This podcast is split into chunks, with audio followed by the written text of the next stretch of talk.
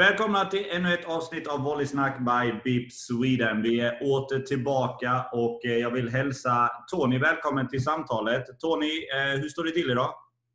Jo, det är bra. Eh, det är bra. Jag är lite stressad här idag. Vi ska ju, jag ska ju vidare till Danmark ikväll och vidare till Azorerna imorgon. Så, att, så jag hoppas att det här rullar på som det ska idag.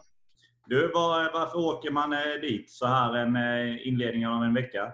Sommar, sommar och sol. Nej, eh, jag brukar hjälpa eh, Sven-Erik Laurisson, Smulf, i eh, Holte. Så, att, så nu har jag fått till, eller förfrågan att hjälpa till under deras Europacup-runda också. Så att, och de lottade till Azorerna. Så att vi åker dit imorgon på match på tisdag. Så det ska bli intressant. Det låter ju helt underbart och jag hoppas ja. att det kommer gå bra för, för alla deltagare där. Um, vi ska strax eh, bjuda in eh, veckans gäst, vilket är Jens Persson. Men innan det ska vi prata lite om, eh, eller dagens avsnitt handlar om är vi på rätt väg med ungdom och utbildning? Vad, vad säger du om, om ungdomsutvecklingen i, i svensk volleyboll? Nej, men jag kan inte jättemycket om den, utan jag, man ser att den ökar på Eh, har, har väl gjort tror jag eh, och det gör väl fortfarande. Men det, därför ska det vara roligt att prata lite med Jens. Han har bättre koll på det eh, och framförallt mer involverad mitt i det. Så att det ska bli jätteroligt att höra vad han säger. Nej, jag ser jättemycket fram emot det och eh, häng kvar i samtalet för att det till största sannolikhet så kommer vi faktiskt kolla lite på vad en annan sport har gjort också och eh, Jens tankar runt det. Så vi får se om vi kommer dit eller inte, men jag tror att eh, det kommer bli en spännande, en spännande diskussion och jag är helt säker på att vi förmodligen kommer dra oss mot, eh, mot det. Så en liten teaser där för, för framtiden. Eh, vad säger du Tony? Ska vi eh, bjuda in Jens till samtalet? Låter bra. Så, då har vi med oss Jens på tråden eh, och vi pratade lite titlar här innan och vi har väl ingen officiell titel, men vi sa ungdomsansvarig i Habo och även eh, medverkade i SVBFs eh, ungdoms, olika projekt som de gör med ungdomsverksamheten. Välkommen till, till Volleysnack Jens! Tack så jättemycket! Trevligt att vara här. Ja, vi, ska, vi ska börja med en fråga som oftast går till Tony, men jag ska inte sätta honom på heta stolen idag. Eh, för de som inte känner dig, hur skulle du introducera dig själv? Vem är du och vad gör du? Ja, jag är en eh, skåning som har flyttat till eh, Habo för volleybollens eh, skull och sen blev jag kvar där. Och nu är det bara volleyboll som gäller. Jag hade min eh, det var min, jag hade volleybollfri dag idag, till, till podden då givetvis. Eh, det var min andra sån på, på drygt två månader. Så det är mycket volleyboll. Eh, så att, eh, ja, jag vet inte, volleybollfrälst eller någonting, hur man ska beskriva mig. Både till liksom, i yrket och till fritiden så är det volleyboll som gäller. För visst jobbar du på NIU också?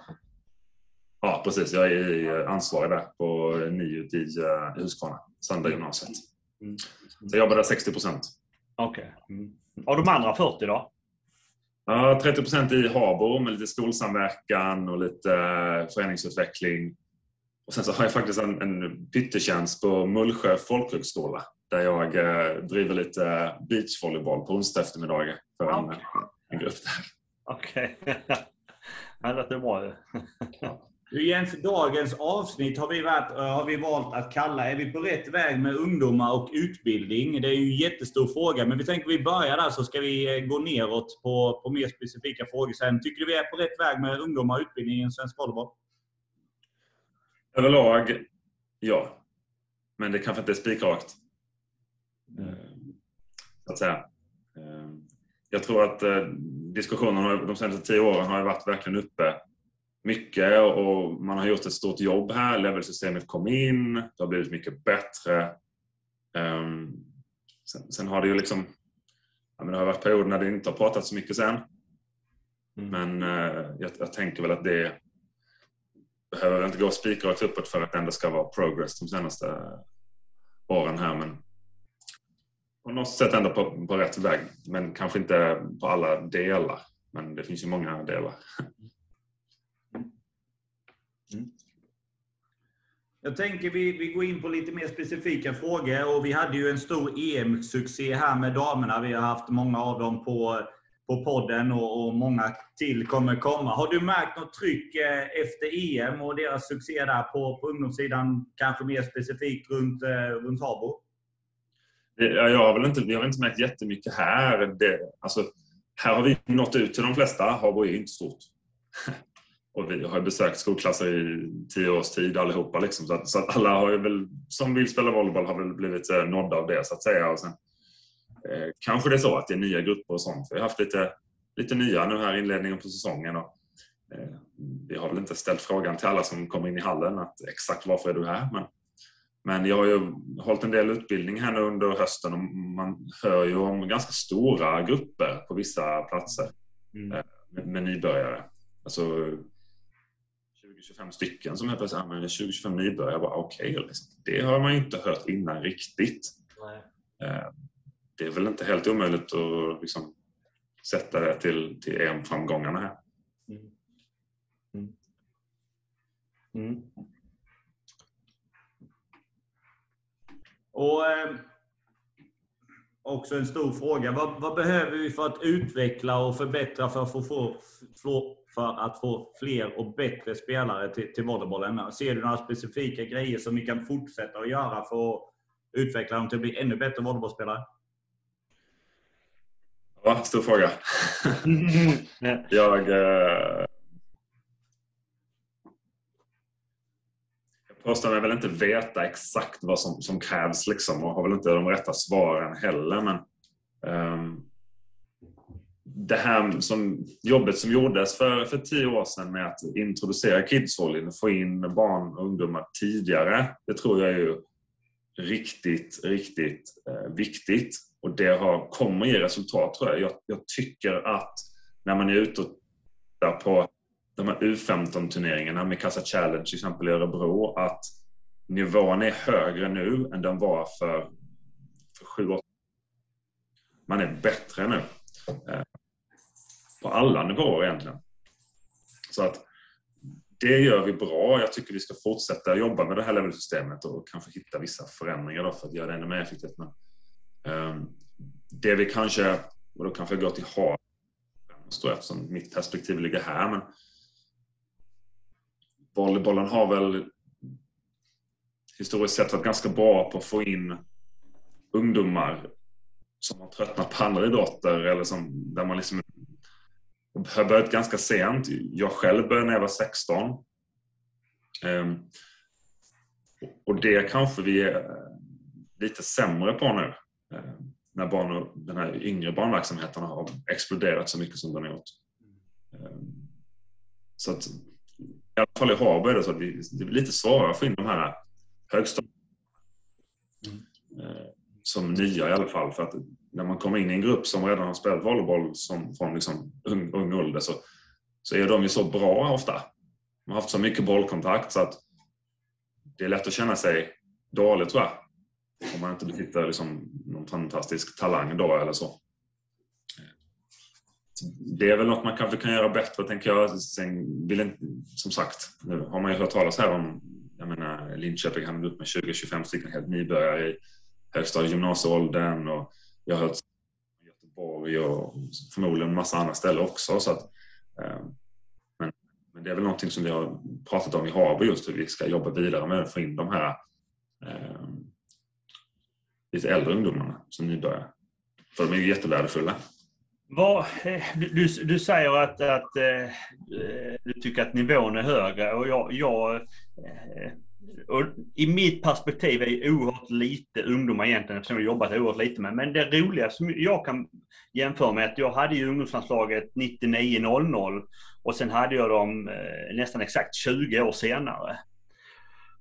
Och där, jag vet inte, men det är ett, svårt, ett, ett stort hopp, det är 20 år. Men i min känsla så var de spelarna för bättre utbildade än de spelarna jag hade nu på ungdomslandslaget. Mm.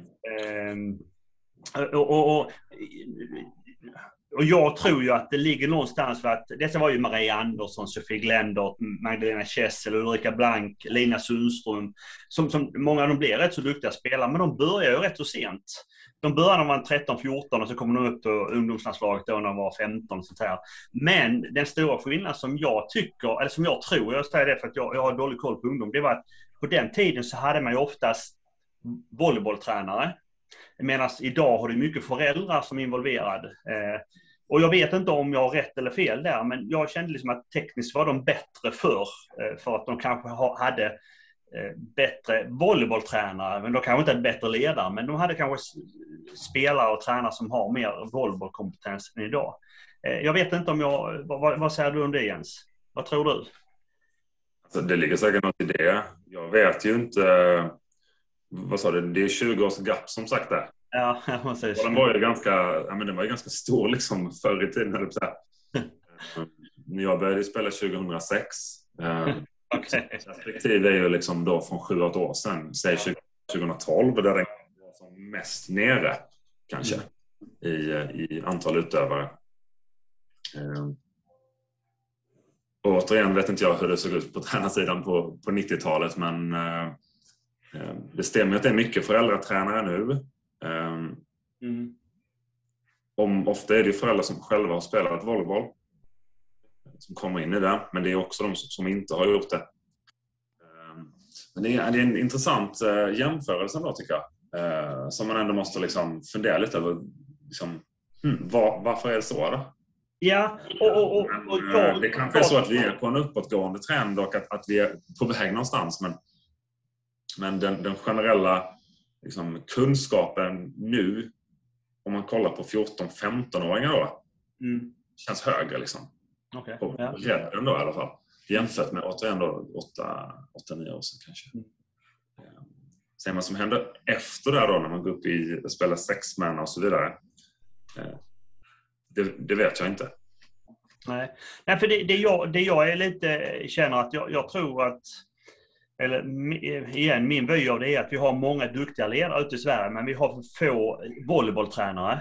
Eh, att, att man är en ledare, man kommer in och, och lär sig lite på vägen. Och, och eh, visst, det kanske är en del som är volleybollföräldrar, det finns ju definitivt. Men jag tror det är många som kommer in utan volleybollkunskaper och sen så har vi inga krav eller, eller eh, vi har relativt lite utbildningar på våra ledare idag. Jag pratade med handbollen häromdagen. Du får ju inte coacha ett, ett, ett, ett SM i, i, i handbollen utan du måste ha dina utbildningar. Eh, hos oss så, så, kan du coacha hela vägen upp till elitserien och en SM-final utan att ha en utbildning. Eh, så, så, att där, där, och där, där tror jag ju, och det, igen min känsla är det som att jag var ute rätt mycket i Sydsvenskan också men där blev det mycket det var ju mycket tränare. Men man hör när man är ute att det är mycket föräldrar ju. Och då, då är det, de är säkert jätteduktiga ledare men man saknar den rätta feedbacken, eh, den rätta liksom, eh, vad tittar vi på i spelet, vad, vad hjälper vi till med? Utan det blir för mycket nästa boll och bra jobbat istället för en feedback på de tekniska och de taktiska delarna. Jag vet inte hur du, hur du ser på det. Är, är det så? Är vi där? Jag tror, jag tror vi är precis där. Mm. Jag tror att eh, du slår huvudet på spiken när det kommer till utbildning där. Eh, det svenska, inte för att vara för kritisk mot eh, det svenska utbildningssystemet, men det, det finns ju inget system Nej. överhuvudtaget egentligen. Det, är ju, det finns ju tre grundkurser. Kids Volley, det är en bra kurs. Den, mm. den fungerar jättebra. Och sen finns det en fyrmannakurs som är okej. Okay. Mm. Bara för att den riktar sig inte riktigt till nybörjarföräldrar och den riktar inte heller sig riktigt till de som redan är volleybolltränare utan den riktar sig till de mittemellan. Eh, Sexmanna grundkurs då som är eh, lite för kort för att vara riktigt bra. Den är, för, den är bara på en dag. Liksom. Ja, ja. Stort, eh, så. Och, och sen finns det lite det finns en del temakurser men mig veterligen så finns det många sådana. Mm. Mellanskiktet mellan grundkurs så de som redan har gått, de, de som har lite koll redan men som vill förkovra sig ordentligt utbildar inga sådana. Nej. Och jag som har en del erfarenhet men ja. liksom och coachar men, men som inte vet allt, långt ifrån allt. Mm. Inte för mig heller. Ja, och... Så jag tror att där, där i har vi liksom problemet för att komma nästa steg. Jag tror att vi har bra nivå jämfört med förr i yngre åldrar. Men steget från 13-14 där när de liksom på något sätt ska lämna eh, film. Där tror jag att vi behöver göra ett jobb. Säg det igen, den sista meningen. Det här jobbet som vi gör, eh, eller det här när barnen ska lämna, när de är 13-14 och ska lämna firmanna. Ja, ja. Sexmanna. Där tror jag att vi har ett, ett jobb att göra med hur vi, Ja. Eh, vi utbildar ledare för den övergången i sig, men, men även då att vi pratar om rätt saker. Ja, för, för där finns ju inte, Ja, en, inte en kurs just för hur vi går från fyrmanna till eh, sexmanna. Finns det en kurs liksom? Hur, hur tar vi stegen? Nej, Nej. men, men när... eh, Nej, det finns inte. Det finns, inte. Vi har, det finns ingen strategi för det egentligen. Eh, men det är nästan upp till varje klubb. Sen när jag tog den här grundkurs, sexmannagrundkursen och, och jag vet att jag kommer till en klubb som alltså jag försöker, man försöker skräddarsy lite då. Mm. Då prata om det och det brukar vi göra. Men, men, eh, men det blir ju återigen på mina, mina erfarenheter över hur man gör och hur man, eh, vad som har fungerat och så vidare. Du Ja, för, för jag, förlåt, förlåt Daniel, eh, men jag, jag funderar på det samma sak som dig och det som jag och det är inte kurser utan det var det jag tänkte runt eh, bara vara lägerverksamhet. Att man skulle ha något läger där man liksom lär sig gå från fyrmanna till sexmanna. Eh, För att eh, just nu, jag tror ju att det är tapp där. Alltså med spelare, med ledare eh, i, i den, eh, i, i den, vad säger man, transition eller den, eh, vad säger man, eh, Det är övergång- det är vårt största tapp. Ja. Är, är- är det så att vi har vårt största tapp där? Är det, är det riktigt? Är det liksom fakta på det? Ja, det tror jag. Mm. Jag har ingen fakta på det, men jag, jag, jag, jag tror det. är min... eh, eh, jag vet ju att när vi, eh, vi kör lite sån här... Vi jobbar ju med, med dubbla årgångar för att få viss flexibilitet inom träningsgrupperna. Då är det ju så, vissa börjar kanske ska spela lite sexman av de äldre där och så de yngre och så kanske någon av de extra yngre som är med där. Då. Sexman och så är det svårt och det funkar inte riktigt. Ja, men det är inte kul att spela volleyboll längre och så gör man det lite då och då för man ska fortfarande hålla kvar sig där. Och, Ja. Ehm, och, och, och jag tror att vi gör så bra vi kan, och, men jag, jag tror att det är en svår situation. Jag tror att vi har ett stort äh, egentligen som inte behöver finnas. Äh, om man kan hitta någon liksom, äh, någon form av strategi lite gemensamt. Ja, och- och- jag eftersöker ju liksom diskussion kring, kring just det här ganska mycket. Mm. Eh, det är ju det här man ska diskutera i, på de här, Mm. när man väl ses på, på ungdomsmästerskap och så vidare. Precis. Så att man kan utbyta erfarenheterna och kanske komma fram till några generella riktlinjer och, och så vidare. För visst, du, du snackar, nu snackar du spelare, va? Du snackar inte ledare. Ja. Men ledare, det, det, måste nästan vara samma sak där. Va? Tappar man inte ledarna när de går från fyra till sex manna för att det, det blir för avancerat om du inte har en volleybollbakgrund? Eller? Lite, ja, det beror lite på hur man ser på det. Man kan väl säga att man tappar som gör träningsplanering och så vidare. Mm. Många av de här... Många vill man är fem stycken i en, i en, i en, grupp och då har man kanske tu, kunnat att planera träning och dra det här tunga lasset under, Okej. i, i fyrmannen. Men när man väl ska spela med sexman då tvekar de lite där och de som inte har den erfarenheten och då är det kanske bara en, eventuellt två i den här tränargruppen som, som har eh, som har erfarenheten då, då, då blir det mycket jobb på dem. Då, så jag tror inte man tappar dem, jag tror man har dem med i träningsgruppen. Med, kanske att de, de tar lite mindre ansvar i alla fall. Tappar man spelare tappar man ju tränare. För att, Ja, precis. säger, det är ju föräldrarna som håller på och även om de då har varit med länge och har mycket kunskap så slutar barnet så, alltså det är ju jätteovanligt att föräldrarna är kvar om barnet inte är det. Ja, precis. Nej, och, och det är ju så, det, det, säger du också, men detta är ju något som jag skulle vilja lyfta. Liksom, för, alltså, vi måste ju någonstans, liksom, var har vi problemen? Var har, eller var har vi utmaningen? Vad behöver vi göra bättre? Och jag, min, min känsla är att där måste vi göra ett bättre jobb. Eh, både att behålla ungdomarna, men, men behålla ledarna, utveckla ledarna, utbilda ledarna. Att det är en sån punkt som behöver komma upp på, på agendan, liksom, att göra bättre. Jag får den frågan lite då och då eh, när man är ute i Sverige, och både när man på turneringar och sånt men även när man håller kurser. Att, eh, hur, gör du? hur, spelar ni sexmanna? Liksom, alltså, rent uppställningsmässigt. Ja, ja, ja. Så, så, vet man inte vad är det bästa sättet. Och, och så här. Vi, I Habo försöker vi jobba med att vi har några individer som kan och så försöker man slotta in de andra på något sätt. Och så lär man sig på det sättet. Men eh, hur gör man i en grupp där det är helt nytt? Där alla är nya? Eller ingen har, man har inte kanske den här att man har grupper i alla åldrar och kan ta in någon av de äldre. Mm. Gör man? Jag har en fråga där Jesper, eh, när det kommer till Habo. Och vi kollar här, nu, nu jobbar jag en del med ungdomslag i, i Florida och vi har en jättestor klubb här som vi är delar av. Och lite annorlunda eftersom vi kan betala tränarna på ett annat sätt än, än kanske svensk volleyboll. Men här så stannar man ju på. Du stannar på din åldersgrupp och får nya grupper varje år.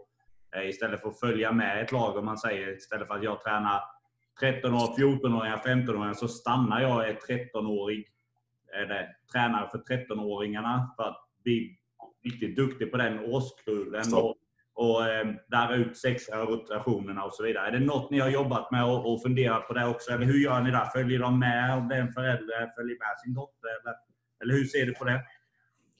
Jag, jag, jag förstår exakt vad du är ute efter där. Och det, eh, det låter som ett fantastiskt eh, liksom, koncept på något sätt. I alla fall om man vill, vill bli riktigt, riktigt bra på någonting.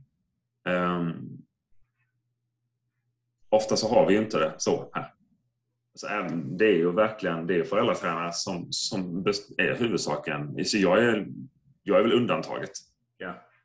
Plus att vi har givetvis kanske äldre eh, spelare, alltså äldre ungdomar som, som tycker det är kul att hjälpa till i yngre åldrar. De, de är ju uppenbarligen inte heller föräldrar. Liksom. Men, de, eh, de, de, är kanske mer då specialiserade på en ålder, men, men de är ju tillgängliga något eller några enstaka år innan de kanske flyttar hemifrån eller ja. beger sig iväg på egna äventyr. Ehm, även de ledare som är väldigt volleybollkunniga, eh, för, för det finns det ju mm. så är det väldigt många, ska jag säga. Ehm, de följer ofta med sina barn. Ehm, för det mesta. Sen, sen finns det ju eldsjälar. Men de är ofta, jag tror i alla fall, min känsla är att de, de är med i flera grupper de också. För de behövs på många ställen och de är väldigt uppskattade. Och då, eh, är de. Men det, det, det, är en intressant tanke. Frågan är om, om den är liksom... Skulle man, vad kan man lära sig av det i Sverige? Kan vi, kan vi jobba så på något sätt? Jag, jag vet inte. Det är den här föräldradelen som är så. Jag vet inte någon klubb som har det så. Och, och, det, och jag tror att det, det skulle jättebra, vara, vara jättebra, men jag tror det är svårt att implementera eftersom vi har föräldrar som vill följa med. Men, men jag tror kanske eh, att klubbarna kanske kan vara bättre på att, liksom, att det här ska man lära sig här, sen tar vi nästa steg, nästa steg, nästa steg. Och det är kanske många klubbar som har det, jag vet inte. Men, men, men att man är tydlig att Ja, det är så, det är så alltså. Men att man är tydlig liksom på att man har en stege på att man ska lära sig. Och jag är en sån som jag vill gärna att de spelar mycket olika, alltså olika positioner, olika system. Men nu på våra Bring It Camp så kör vi 4-2 och sen är det 6-2 och sista vi gör är ju 5-1. Liksom. Vi vill ju att vi ska ha många som passar, många som anfaller. Så därför kör vi hellre 6-2 på våra, på våra camps. Eh, givetvis på, på, på de högsta nivåerna så blir det mycket 5-1 givetvis. Men, eh, mm. eh, men jag, det är kanske så att vi ska vara tydliga liksom vad man ska lära sig år efter år. Ja, jag tror att eh, det hade inte... Alltså, kan man ha en checklista på det här ska vi ha, då, då vet man. Men det är precis som i skolan, skolvärlden. Precis. När man går från högstadiet till gymnasiet så då ska man ju veta de här grejerna. Lära sig Man kan det. Precis. precis. De gångerna när det inte är så. ja. De hör direkt bara, ah, skit, de kan ju inte. Liksom dubbelt. Då slösar man ju bort uh, jättemycket tid. Som inte har. En känslig fråga kanske och det är ju jättesvårt eftersom klubbarna drivs av, av sponsorer och sådär. Men hade, om vi hade fått in mer pengar till ungdomsverksamheten, hade vi fått bättre svenska spelare? Det, krävs det att vi börjar betala ungdomsledarna mer för att kunna kräva mer? Förstår du vad jag tänker på? Mm vet inte. Faktiskt. Um... Nej, för, för, för bara komma en följdfråga där som, med Daniel, som att, att i, idag, så är det klart, vi har inga krav på ledarna, vad, vad jag tror i alla fall.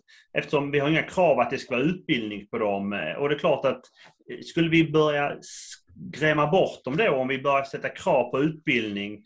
Eller kan vi byta det mot pengar? Att, att om du får eh, eh 1000 kronor i månaden, men då, då gäller det att du ska gå den här utbildningen. Är, är det, eh, jag vet inte, nu tänker jag bara högt. Mm. Just det här med kravsättningen har jag funderat en hel del på. För att som sagt, alltså, nu är jag ju på eh, idrottsgymnasium med 15 olika idrotter och alla idrotter har väl ett eget system där men majoriteten har någon form av krav på, eh, på utbildning för ledarna. Mm. Men det jag inte har så bra koll på det är ju, är det endast huvudledare då, huvudansvarig, hur ser det ut för dem med och hjälper till på träning och så vidare. Eh, men att, att börja med någon form av kravsättning för de som, som på något sätt är huvudledare, det, det låter ju grymt bra. Mm. Det är ju så den här rädslan som, som jag har haft nu i den här, liksom, kanske den här volleybollboomen som finns efter EM-framgångarna, mm.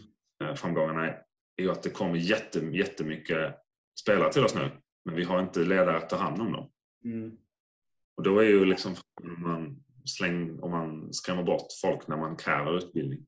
Men, men samtidigt så... Jag brukar hamna i tanken att något måste göra. ja, och är, är det inte liksom. så att jag är livrädd för det här. Alltså att, att, att jag tror att svensk volleyboll är ju, är ju också livrädda för att sätta krav, sätta böter och sånt här. Det finns ju inte i vårt system. Men, men är det inte bättre att vi har färre spelare som har en bättre utveckling på grund av att vi har bättre tränare? Vi ska ha så många spelare som har... Eh, vi vet inte vem som står på, på, på träningen vecka in vecka ut. För, för liksom, de har ingen utbildning. Eller inte alla, men finns ju en del som inte har det. Eller så har de bara spelat volleyboll, men de kan inte fyrman eller kidsvoll, utan eh, då kör man liksom på, ja, på sitt eget sätt. Mm. Det, finns, det finns ju de också som, som kör liksom sina volleybollövningar från, eh, från förr, så att säga. Ja, ja, precis. I grupper, och som, då tappar man massa spelare också. Men eh, jag, ja, det är intressanta frågeställningar de där, hur man gör. Det är liksom det är som en vågskål lite. Mm. Vad vill vi ha? Vi vill ju ha många spelare. Det, det är klart vi vill att många ska vara i rörelse. Liksom. Rent, ja. Rent, sådär. Men vi vill ju också ha väldigt bra volleybollspelare. Vi vill de är bra på det de gör. Mm. Och bredden blir viktig. Men det är klart att om, om vi inte kan, eh, om vi inte har liksom kunskapen och då menar jag inte specifika personer utan snarare som, som, eh, ska man säga, som generell volleyboll ledarpopulationen inte har kunskaperna. Mm. Det är ju svårt att få den riktiga toppen även om man är många. Det räcker ju inte bara att gå till träningen. Mm. Ja. Ja. Men vad, vad, skulle hända om, om vi satte kravet, tror ni? Jag har en liten följdfråga där innan vi går in på den, för det är en jättebra fråga. Och det låter, jag vill bara, så att jag hänger med på diskussionen här, för de klubbarna jag har varit i innan så har den största diskussionen varit egentligen hur kan vi ens få föräldrarna att vara delaktiga? Och det verkar som att inte det är ett stort problem, kanske just nu för, för er och, och i svensk volleyboll. Det är för stort att svara på, för ingen av oss vet hur det ser ut från klubb till klubb. Men jag vet det var en klubb som jag var i som, som vände på det och de sa att en förälder bara fick hjälpa till ett x antal timmar i veckan. Och då eh, blev det helt plötsligt att de gjorde mycket mer för att de kände att de inte hade kravet på sig att göra allting. Utan nej, jag ska göra X timmar. Jag ska göra fyra timmar i veckan. Men så blev det att de gjorde åtta istället. För nu var det helt plötsligt inget krav och det var kul. Är det fortfarande så att det är svårt att få föräldrar till verksamheten? Eller är det fortfarande, alltså, känner du att den, den biten har ni, har ni satt att de vill hjälpa till? Jag tror det är enormt olika beroende på ort. Um, överlag är det ganska lätt att hjälpa till på Kids Det Cash, ingen förkunskap alls egentligen. Alltså, på kidsvolleyutbildningen just pratar, man, pratar jag ofta jättemycket om hur olika strategier för att få med föräldrar, både som tränare men, men kanske även som liksom lite administratörer då, så att den som är huvudtränare slipper hålla på med skjutsar till turneringar och lagkraft och grejer, så kan fokusera liksom på faktiska träningsplaneringen och, och hålla gruppen. Um, så att, och, det tror jag att vi överlag är ganska bra på att göra, men det var ju någon klubb jag var och besökte här som har, eh, eh som har verksamhet dels ute i, mindre ort och där har de jättemycket föräldrar som hjälper till. Liksom för nästan. Ja. Och delen av klubben som ligger inne i den större staden då har ju jättestora bekymmer för att de lämnar bara av barnen så åker de, pinnar de iväg någon annanstans. Eh, och då är det ju problem med att ha någon vuxen där överhuvudtaget om det är så att den, de som är utsedda tränare kanske får förhinder eller är sjuka på något sätt. Eh, och så där. Och så, det är många som står där själva liksom och så ska man hålla träning, man ska hålla koll på ungarna och så ska man se att det inte kommer in andra människor i hallen och så massa olika saker hit eh, och dit. Liksom. Så att det beror nog väldigt mycket på ort tror jag. Det där föräldraengagemanget. Ja, men det är intressant att, att förstå. Man sätter krav att man bara eller liksom, från omvänd psykologi på det. Ja, men, ja. Ja, jag får svara på din fråga. Där. Jag tror att om vi börjar ställa krav på utbildningar så tror jag vi skrämmer bort eh, en stor skara av de som bara vill hjälpa till för att det är kul och, och kanske till och med spendera tid med, med sitt barn i, i träningsmiljö. Eh, sen min följdfråga till det är att jag tror att vi behöver det, men vem ska granska det? Vad händer om, om de inte följer? Tony säger det också. Vi behöver ju inte ens följa de förslagen på, på elitevenemang som finns och ingenting händer ju. Så det, det, frågan är väl större kanske där. Att vad händer om vi sätter krav på utbildning och ingen följer det? Kommer vi tappa mer? Jag vet inte. Men är det inte så också nu att vi har fler potentiella kursdeltagare idag än vad vi hade för kanske tio år sedan? Vi har ju många fler ledare ute. Skulle det inte vara så som nu när du är ute igen, så, så menar, mitt koncept från början med, när jag startade med min utbildning här var ju att jag gillar ju inte det sättet att man skulle, man satte en ort och sen skulle bjöd man in eh, ledaren dit. Utan jag körde ju ut till Eneryda, jag körde ut till Vindrap, körde kursen i deras hall på en torsdagkväll. Mm. Och egentligen är det ju samma koncept vi ska göra här. Men eftersom det är så många ledare så åker jag ut till, till Bjerke, VK och sånt. Så, så har de säkert åtta eller tio ledare idag eh, som, som kanske gör en timme i, i, i veckan, inte mer.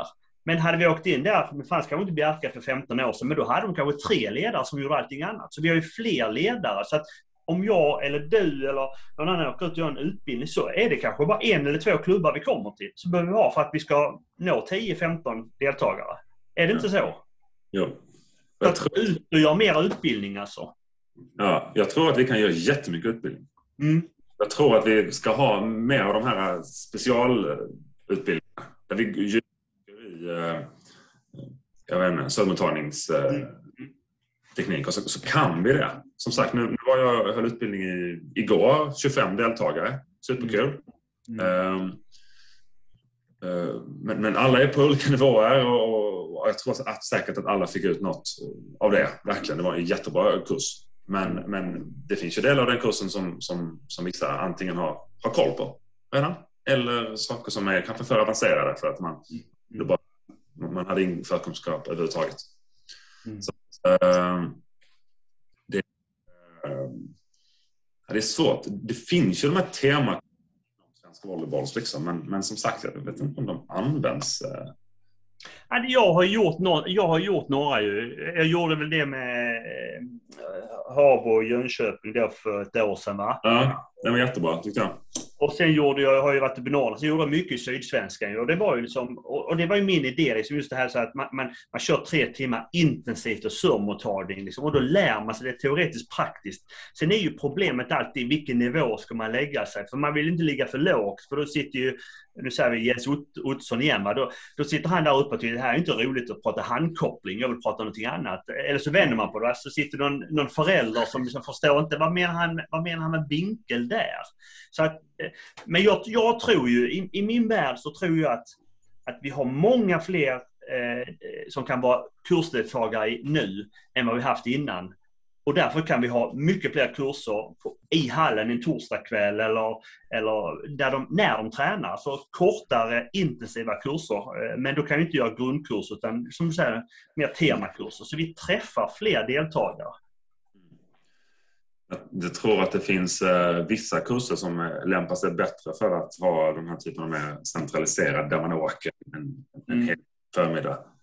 Kanske när man pratar mer om de här liksom, det som man inte behöver visa praktiskt liksom och få träna på. Det här med eh, som det, metodik och så vidare när det kommer till den typen av, av, av, av grejer. Eh, eller när man ska visa upp eh, liksom spel levelsystemen och sådär.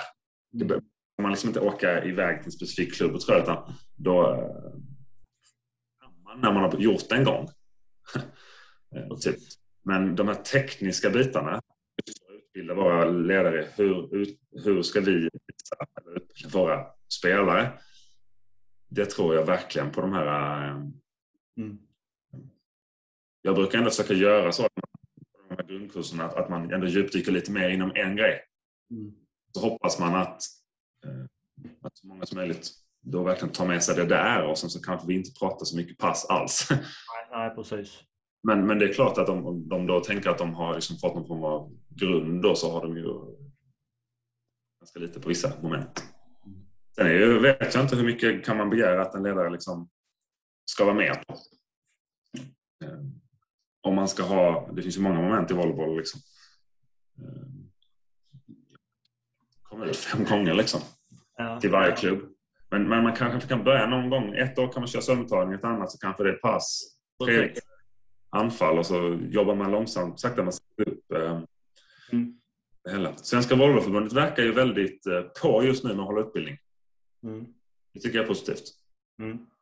Jag tror att det finns utrymme för, eh, för god dialog med dem om det här.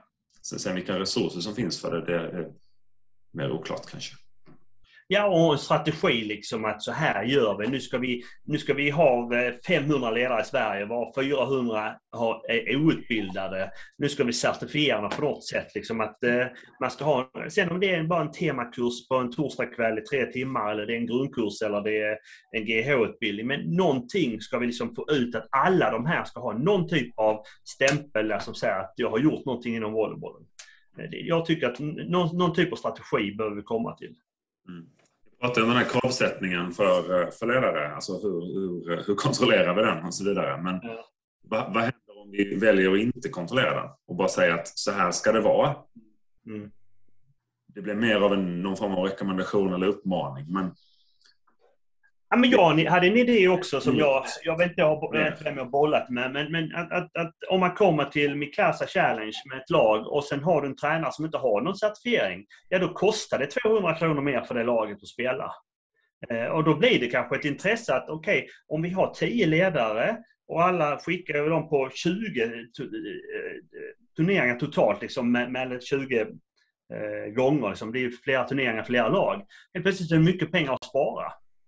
Alltså att man ger det som en morot istället. Att, att har du certifierade eller licensierade om man ska säga, så får du billigare eh, turneringar. Mm.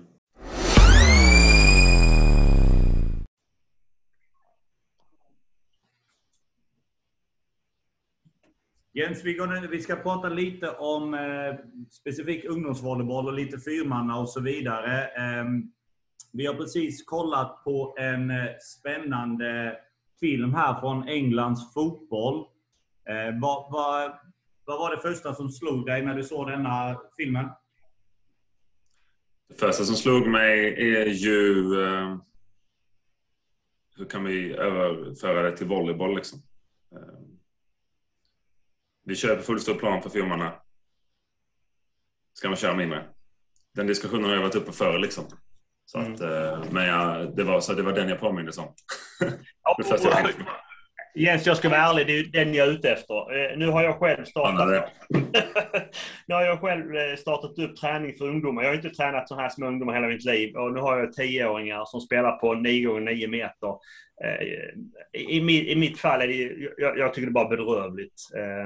Och jag, mina spelare får inte använda studs. Så att 9 x 9 meter, då är, det, då är det inte volleyboll, utan vi får liksom skärma av delar av, av, av ytan eller planen för att de kan inte spela på det. Och då, då kommer jag liksom till det här. Varför spelar vi på 9 x 9 meter? För att det finns eh, linjer i hallen tror jag. Eh, ett svar. Eh, det är lite tråkigt svar, men jag tror att det är det. Men jag, om jag minns den här diskussionen så var det ju Ska vi spela på, ska vi använda den befintliga badmintonplanen eller ska vi använda den befintliga volleybollplanen? Uh, och då så kom man fram till volleybollplanen när man skulle införa levelsystemet. Uh, så att visst är det så att danskarna kör på mindre uh, det, nu, det, så, Ja, ja, ja och det, det, det är rätt, det gör de. Eh, de har, ju, de har ju teamvolley också, då går de ner på två, två personer också. Så jag vet inte om det är rätt eller fel, men de är ju kvar på sex, sex och, och kör två.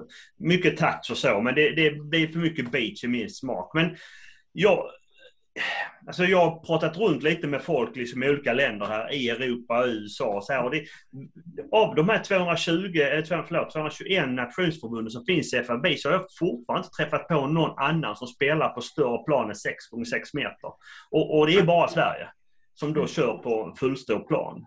Mm. Ehm, och sen har jag haft en diskussion med, med tyskar bland annat just De får ju tekniska spelare för de, de rör sig på ett annat sätt, de får toucha bollen på rätt sätt.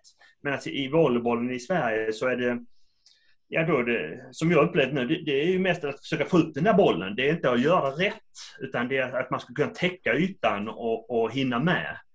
Eh, så, så jag är jättefrågande varför vi... Varför, gör det? Ja, varför gör vi det? Um, bra, det är en bra fråga. Jag har ja. inget svar. Alltså, Nej. saker är som de är. På ja. sätt. Men, eh, men eh, två saker som jag kommer att tänka på är dels, och återigen, jag försöker vara tydlig när jag är ute och håller kurser med de här grejerna. För det är så jag försöker jobba själv då. Att man, eh, jag kör ju inte... Bollen får ju studsa väldigt sällan när jag kör träning. För studs innan slag, framförallt innan första slaget, är ju helt icke-volleybolligt. Ehm, så att där håller jag ju verkligen med. Men det jag tror, det är ju anfall. Jag tror att det är där man landar i det helt enkelt. Vad, vad menar du med anfall? Det är, det är lättare att slå på ordentligt i anfall på en större plan, för den sitter då. Man slår inte ut hela tiden. Sänkt nätet då? Ja, ännu mer. Alltså, alltså i, i, i, min värld, så det, för det första så så du kan höra att jag har tänkt mycket på det här nu för att det är så här, det här med studs. Mm. Igen, av de här 221 eh, nationsförbunden vi har i volleyboll så är det en som kör studs och det är svensk volleyboll. Mm. Eh, och, och jag, jag, jag tycker Volley 2000 har varit ett bra koncept och jag tror att eh, men nu när vi kommer med kidsvolley, när det är kasta fånga, då, då tappar vi liksom den idén. För jag ser ju spelarna, de blir bättre och bättre, de lär sig läsa bollen, ta sig till bollen och fånga och kasta. Och sen så ska man ta bort det och låta bollen studsa och då, blir, då ska de lära om sig igen. Mm. Eh, så, så, jag ser det som inte, det är inte, stegen är ju fel, för man börjar ju upp och så ska man ner igen och så ska man börja nya steg. Och sen så när man låter den bollen studsa under tre, fyra, de här kids-levlarna, ja då ska man börja om igen, för då är det sexmanna.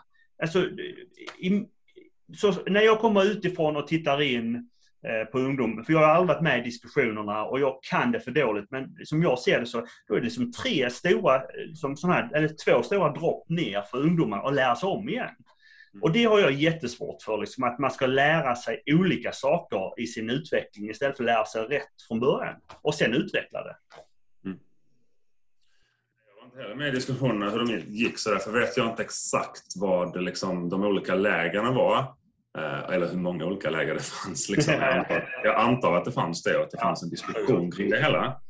Ehm, jag antar att man ville bygga på, på, på det Volley 2000-konceptet egentligen. Man inte släpper det helt eftersom det var inarbetat. Men mm. eh, det blir ju ett helt enormt coachansvar, tränaransvar, att använda den här studsen på rätt sätt. Det finns egentligen bara två förutsatt att man köper fullståplan då, så mm. är det ju det är bara två tillfällen när man ska tillåta den. Det är precis innan man passar. Man ska, det ska vara lite lättare att passa. Och det ska vara för att förlänga, förlänga rallyn helt enkelt. För att göra en häftig räddning där man kan springa iväg och liksom ha lite mer tid. Mm. Studsen är, den är ju bara lämpad för tid just. Så det är liksom syftet med den hela. Men uh, utöver det så är det svårt att säga. Ja, för jag, jag, jag tycker så här att, att med studsen så luras, vi lurar ju utvecklingen. För menar, en passare, och jag säger inte att du har fel på något sätt, men att, att, att, att bollen ska studsa innan passaren ska passa då får du inte lära dig att läsa bollen rätt och ta den på rätt ställe. Och, utan du spelar ett fingerslag på ett sätt och sen nästa moment när du ska gå upp till sexman, ja då ska du spela på ett annat sätt. Så att det är liksom ingen, jag, jag, jag, jag har svårt att förstå det faktiskt, eh, att, att man accepterar studs. Sen så är det precis som du säger, jag tror att reglerna som de är idag eh, är säkert det att kunna du är tränare. För att du är ju duktig nog att säga att nej, vi ska inte ha studs, du ska göra så här direkt. Men har du då liksom Asta någonstans ute i någon, någon klubb där hon tittar på, ja men vi ska ha studs, använd studsen nu så kan vi spela länge. Mm. Eh, och, och, då blir ju utvecklingen inte så snabb som, som det skulle kanske vara om man hade en duktig tränare som tar bort studsen och låter dem spela volleyboll istället. Eh, och, där, och därför tycker jag liksom att vi ska, för att vi ska få utvecklingen snabbare uppåt eller bättre så tror jag vi måste göra reglerna på ett sätt att, att de inte är så anpassade efter en bra tränare utan att de måste, bollen måste vara i luften hela tiden. För det är volleyboll det handlar om nu. Mm. Eh, det är liksom så jag ser det ut, om jag säger utifrån. Mm. Och det, är ett, eh, det, är ett, det är ett väldigt intressant perspektiv igen, liksom, måste jag säga. Och, eh, jag har haft de diskussionerna själva här liksom, i, i klubben och så vidare. Hur, hur, ska vi göra? Hur vill vi bedriva träning? Mycket kontroll, liksom, mycket över nät hela tiden och inte använda studsen. Eh, de här gångerna man använder studs det är ju för, för att få det att funka. Alltså när man ökar ytorna egentligen, för att hinna. Mm. Eh, har man mindre ytor, man köper mindre plan exempelvis. Då, ja, mycket småspel, jättemycket småspel till exempel. Mm. För, eh, då då behöver man inte lika mycket tid heller för att bollen är närmare. Mm. Ehm, och jag vill inte känna att jag heller blir någon försvarare av det befintliga systemet. Mm. Utan eh, jag, jag, tänker att det behöver fortsätta göras ett arbete här. Eh, och det gjordes ju väldigt mycket nu kring när levelsystemet kom för hur länge sedan är det? Nej, jag, jag, jag vet inte. Kanske? Vad sa du? kan det vara fem år sedan? Mm. Som, eh, innan fanns ju, det finns ju Kidsvalen här på prov fanns ju level 01 och 2 hette de ju då. Ja, det var ju Dan, det var rakt av från Danmark ju. Det var 01 och 2 och de har ju fortfarande 01 2. fanns det ju Volley 2000 då. Ja, just det. Jag, jag, jag, vet inte, är det från 2000? Är det därför det heter 2000? Ja, precis. Det var ju det Anders startade då eh, okay. Eh, runt eh, 2000-talets början. Ja. Jag skulle ja, tro att det är det. Mm. Ja. Nej, men eh, och sen så gjorde man det här arbetet där man, när man kände att man behövde göra om. Eh, man gjorde om lite i Kidsholly men inte så mycket och sen så skapade man det här level 4 som, som är någon form av brygga lite som jag tycker funkar väldigt bra. Mm. Sen så hade man kvar Volley 2000 som var befäst som det som det var så vi jobbade. För Volley 2000 är level 5. Mm. Och sen kände man att vi behöver utmana våra spelare lite mer för att studs liksom. Så då, hade man, då, då kom man på level 7 som är utan studs. Och, och det är ju ännu värre. Det, det, det, det, måste vara något av det dummaste jag har sett. Att du ska ha fyra, fyra 13-åringar spela på en fullstor plan och sen när de blir två år äldre så ska de spela med sex man på samma plan. Alltså, va, va, alltså det, det finns, jag är ledsen men där finns det fan inget försvar till varför man har det. Nej. Det är ju väldigt svårt. Det var ju bara för att utveckla de här i samma träningsgrupp egentligen då. Vi spelar firman här. Ja, ja. Vi har den här leveln helt enkelt. Ja. Nej, Sen level 6 skapades väl antar jag i alla fall som någon form av eh, brygga mellan level 5 och level 7. Liksom. Det, det är lite ganska konstruerad level. Där man får poäng på block direkt och grejer. Man kör till en boll och lite sådär. Men, eh, men jag, jag, tror ändå att det bör bli, bli lite, för nu har man kört det här som sagt, är fyra, fem år? Att man börjar landa lite i vad gör vi liksom? Eh, nu är det ju dags för en diskussion kring detta nu. Det är dags för utvecklingsarbetet. Men jag vet inte om det finns en strategi hos svensk volleyboll för det. Nej. Jag, vet inte om det är de som ska ha det, eller jag, tycker det är de som ska ha det. Men mm. Eh, och det kanske det är, men det finns också mycket annat att diskutera. Ja, jo. Jo. Eh, men, men, men, Jens, om det är så att man, man, det här kommer ju från början från Holland och det har gått liksom ut i spritt Europa och, och ja, de kör till och med USA. Så, så att, men varför, varför ska vi göra helt annorlunda än alla andra? Mm. Jag, Det det här volley 2000-konceptet. Ja, och jag håller med dig. Jag tror att någon liksom har hållit det. det säga, vi släpper inte det, utan vi ska ha, ja. vi ska ha studsen kvar. Men, och där tycker jag vi måste släppa det, för vi har ett nytt system. Man kan inte blanda liksom, en cykel och en bil och säga att vi ska ha båda. Liksom. Utan antingen så cyklar man eller så kör man bil. Det är jävla bra. Men, men, men, men jag tycker någonstans måste vi släppa det. Och, och jag, jag kanske kommer nu som utifrån aldrig varit och kanske ser det på ett annat sätt. Medan många andra, liksom, ja men det är så reglerna så kör vi. Men jag, mm. som, mina spelare går, får vi det studsa? Nej, absolut inte. Mm. Aldrig. Liksom, de är, nu kör de level 4 och jag skulle inte låta dem studsa för det är inte volleyboll för mig. Jag gillar den här fångarna. Det är jättebra för vi kommer ja, till anfall. Mm. kommer till anfall. I en kalasgrej, hela Kidsvolley är ju ett bra koncept. Det är som stegar upp och man får lära sig läsa och rotera och så här. Varför ändra på ett fungerande system? Ja. Ja, du märker, jag har inget svar. Nej, nej, nej. nej.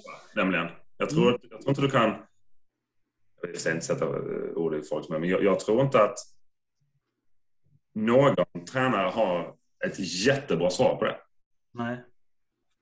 Jag tror ingen på förbundet har ett jättebra svar heller på det. Nej. Jag tror inte att det är. Eh, utan det är nog det här, helt enkelt.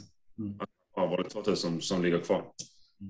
För jag menar, rent praktiskt så har man fortfarande badmintonplanerna kvar och det är de man kör. Alltså det är ju, jag tittar nu på, tror Holland. Det är de man jobbar med ute när de ja. kör på andra ställen eh, i Europa och så vidare. Är det, är det badmintonplanerna som man, som man jobbar med? Det är fortfarande de. Det är, de sex, det är sex meter. Liksom. Det, är, det är de man kör på. Så att, eh, en annan fördel med det är ju att man får plats fler barn i, uh, i spel i hallen.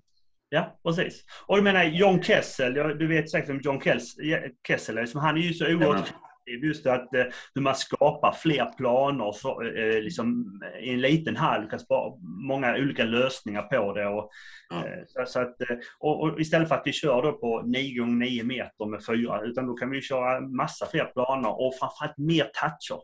Och anledningen till att jag kommer, den här diskussionen är ju egentligen inte för en för att jag börjar träna min son, utan det är ju hur, hur, nivån på dem som kom in på U17-landslag som jag hade för några år sedan, att jag tyckte den var för låg. Och då började jag titta igenom det att, att danskarna var långt före oss när man tittar rent den tekniska delen av det. Och då, då bör man titta på det. Ja, det är klart, vi kör ju med studs hela tiden. Då, då är vi ju efter. För att det, det godkänns ju liksom att, att det ska studsas. Och, eh, nej, jag, jag, jag, tror att, att vi måste göra som alla andra komprimera, planen mindre och bort med studsen. Eh, det är liksom, mm. I min värld så är det det som jag tror eh, vi behöver titta på. Jag, jag, jag blir lite tråkig när jag, när jag måste hålla med. Jag hade gärna varit lite eh, eh, liksom Ja, men, men det är bra Jens. jag gillar ju det. Att, så jag försöker hitta lite sådana här, liksom lite djävulens advokat på något sätt. men jag, jag, har själv tänkt på de här, för jag håller ju de här utbildningarna och jag, jag vet själv hur eh, det kan vara roligt det där ibland för att man, man har föräldrar som, som kanske kommer från en annan idrott och så har man kört eh, så kör man igenom alla de här systemen, eller alla, alla levlarna från 1 till 7 och så blir de Eh, konfunderad när man kommer fram till den här. Har de studsat nu? Okej. Okay. Ja.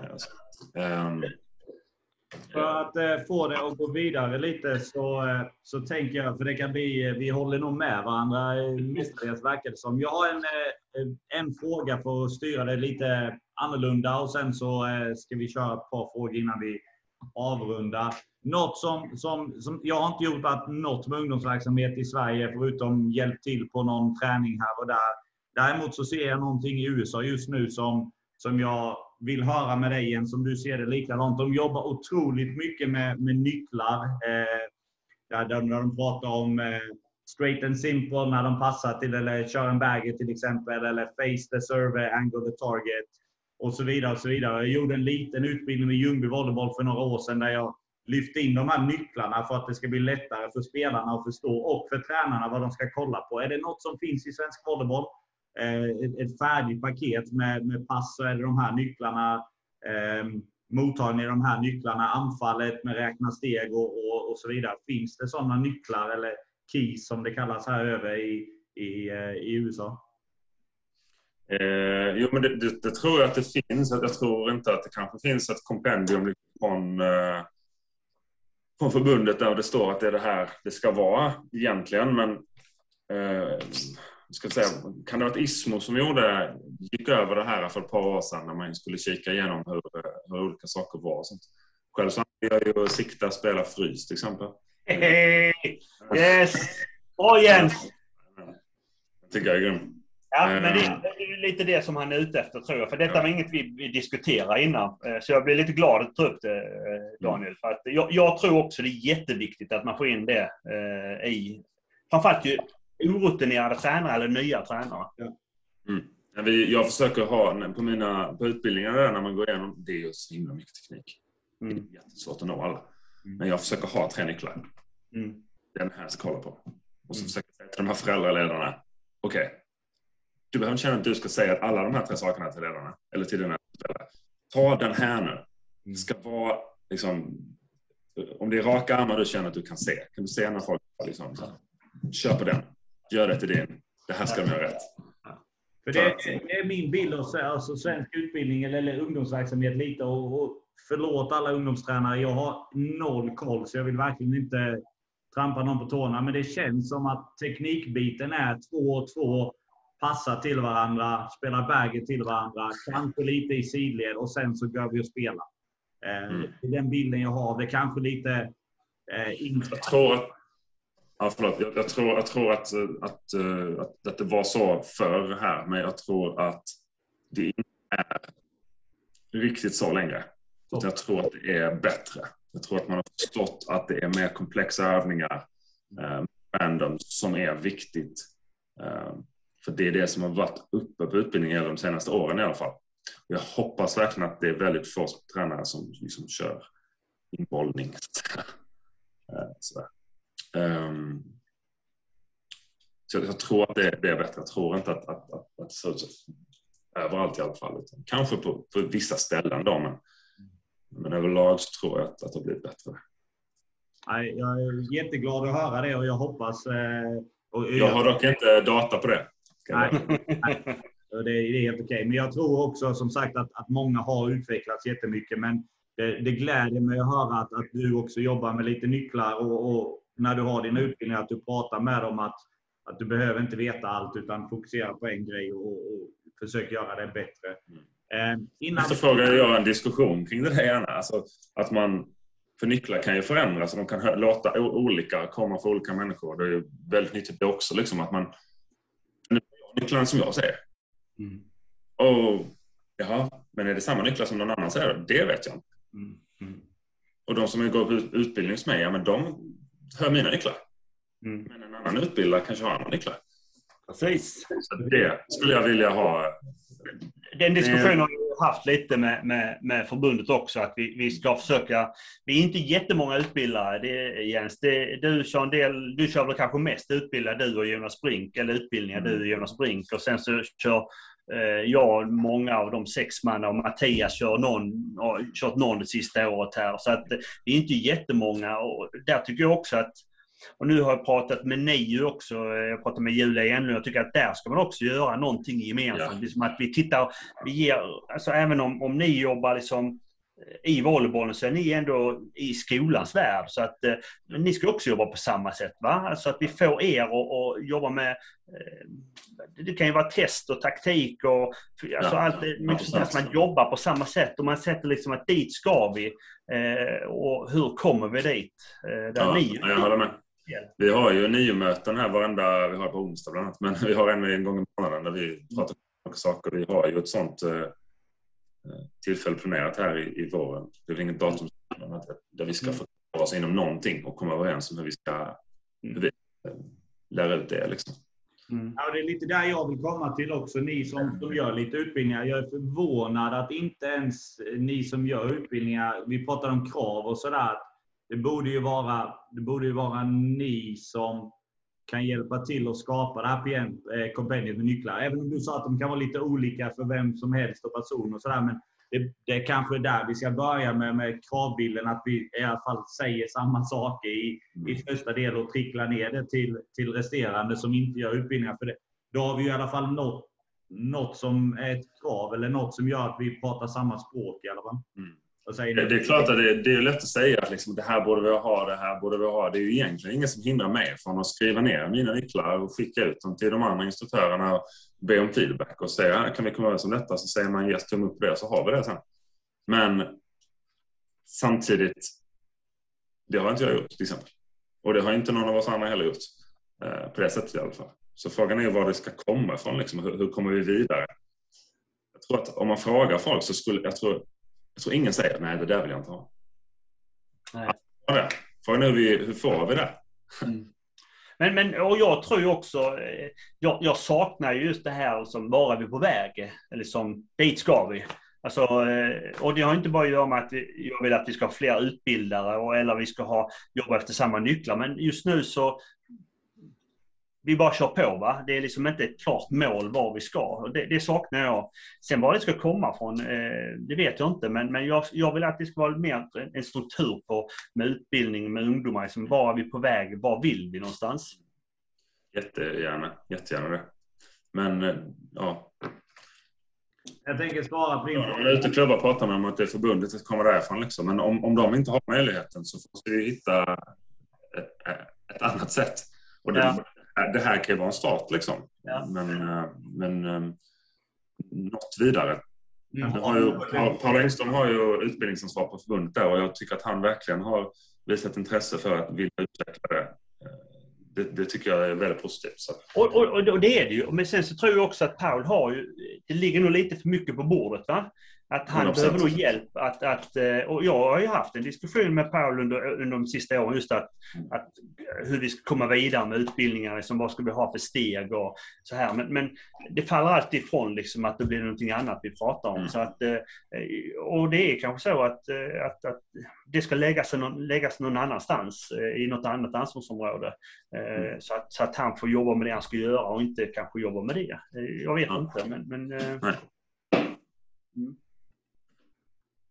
Mm. Jens, du ska få chansen här att avsluta med ett, eh, inte ett brandtal till nationen, men eh, vad, är, vad, tar du med dig? Alltså, vad, nu har du chansen här. Vi har ett x antal eh, tittare och, och, många av dem är jättevolleybollintresserade. Många av dem är ledare. Vad, vad, vill du att vi ska, vad, vad vill du att framtiden ska utspringa när det kommer till ungdomsverksamhet och utbildningar?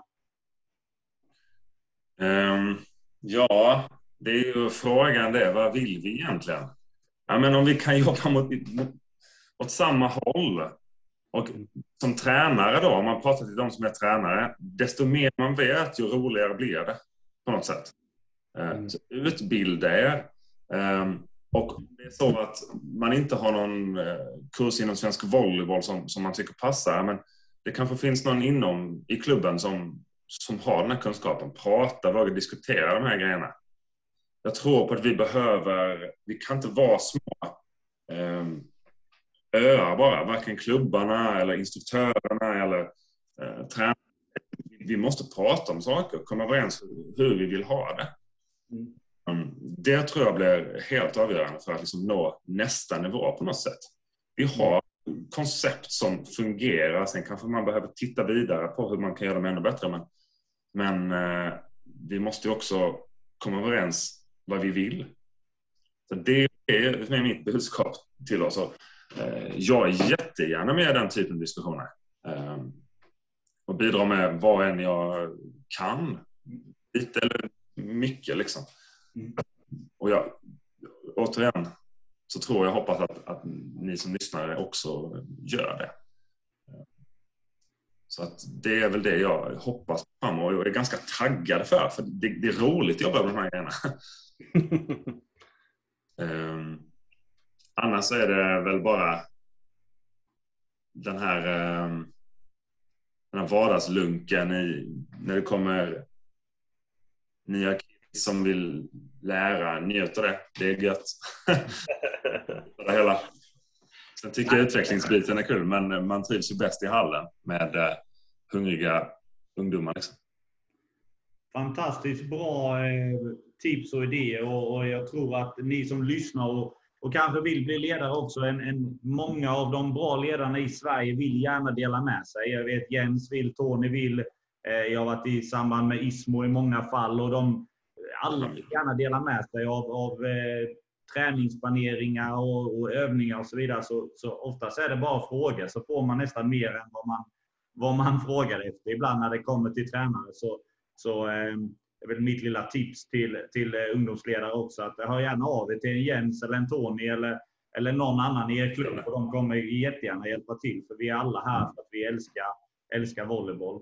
Mm. Eh, Tony, några avslutande ord innan du ska packa väskan och dra eh, till, till stolen? Ja. Eh, nej, tack, tack för att du kom Jens. Jag tycker det är skitroligt att, att, att, diskutera det här. Jag har lite idéer och, och vill gärna, ville ju diskutera det med dig och höra dina åsikter om det. Så att det, det var jätteroligt att du ville vara med. Så tack för det. Ja. Nej, det var jättekul och jag hoppas att vi kan fortsätta den här diskussionen med liksom med fler involverade. Vi måste börja någonstans. Ja. Nej, det var grymt. Mm. Tusen tack Jens. Tack så mycket.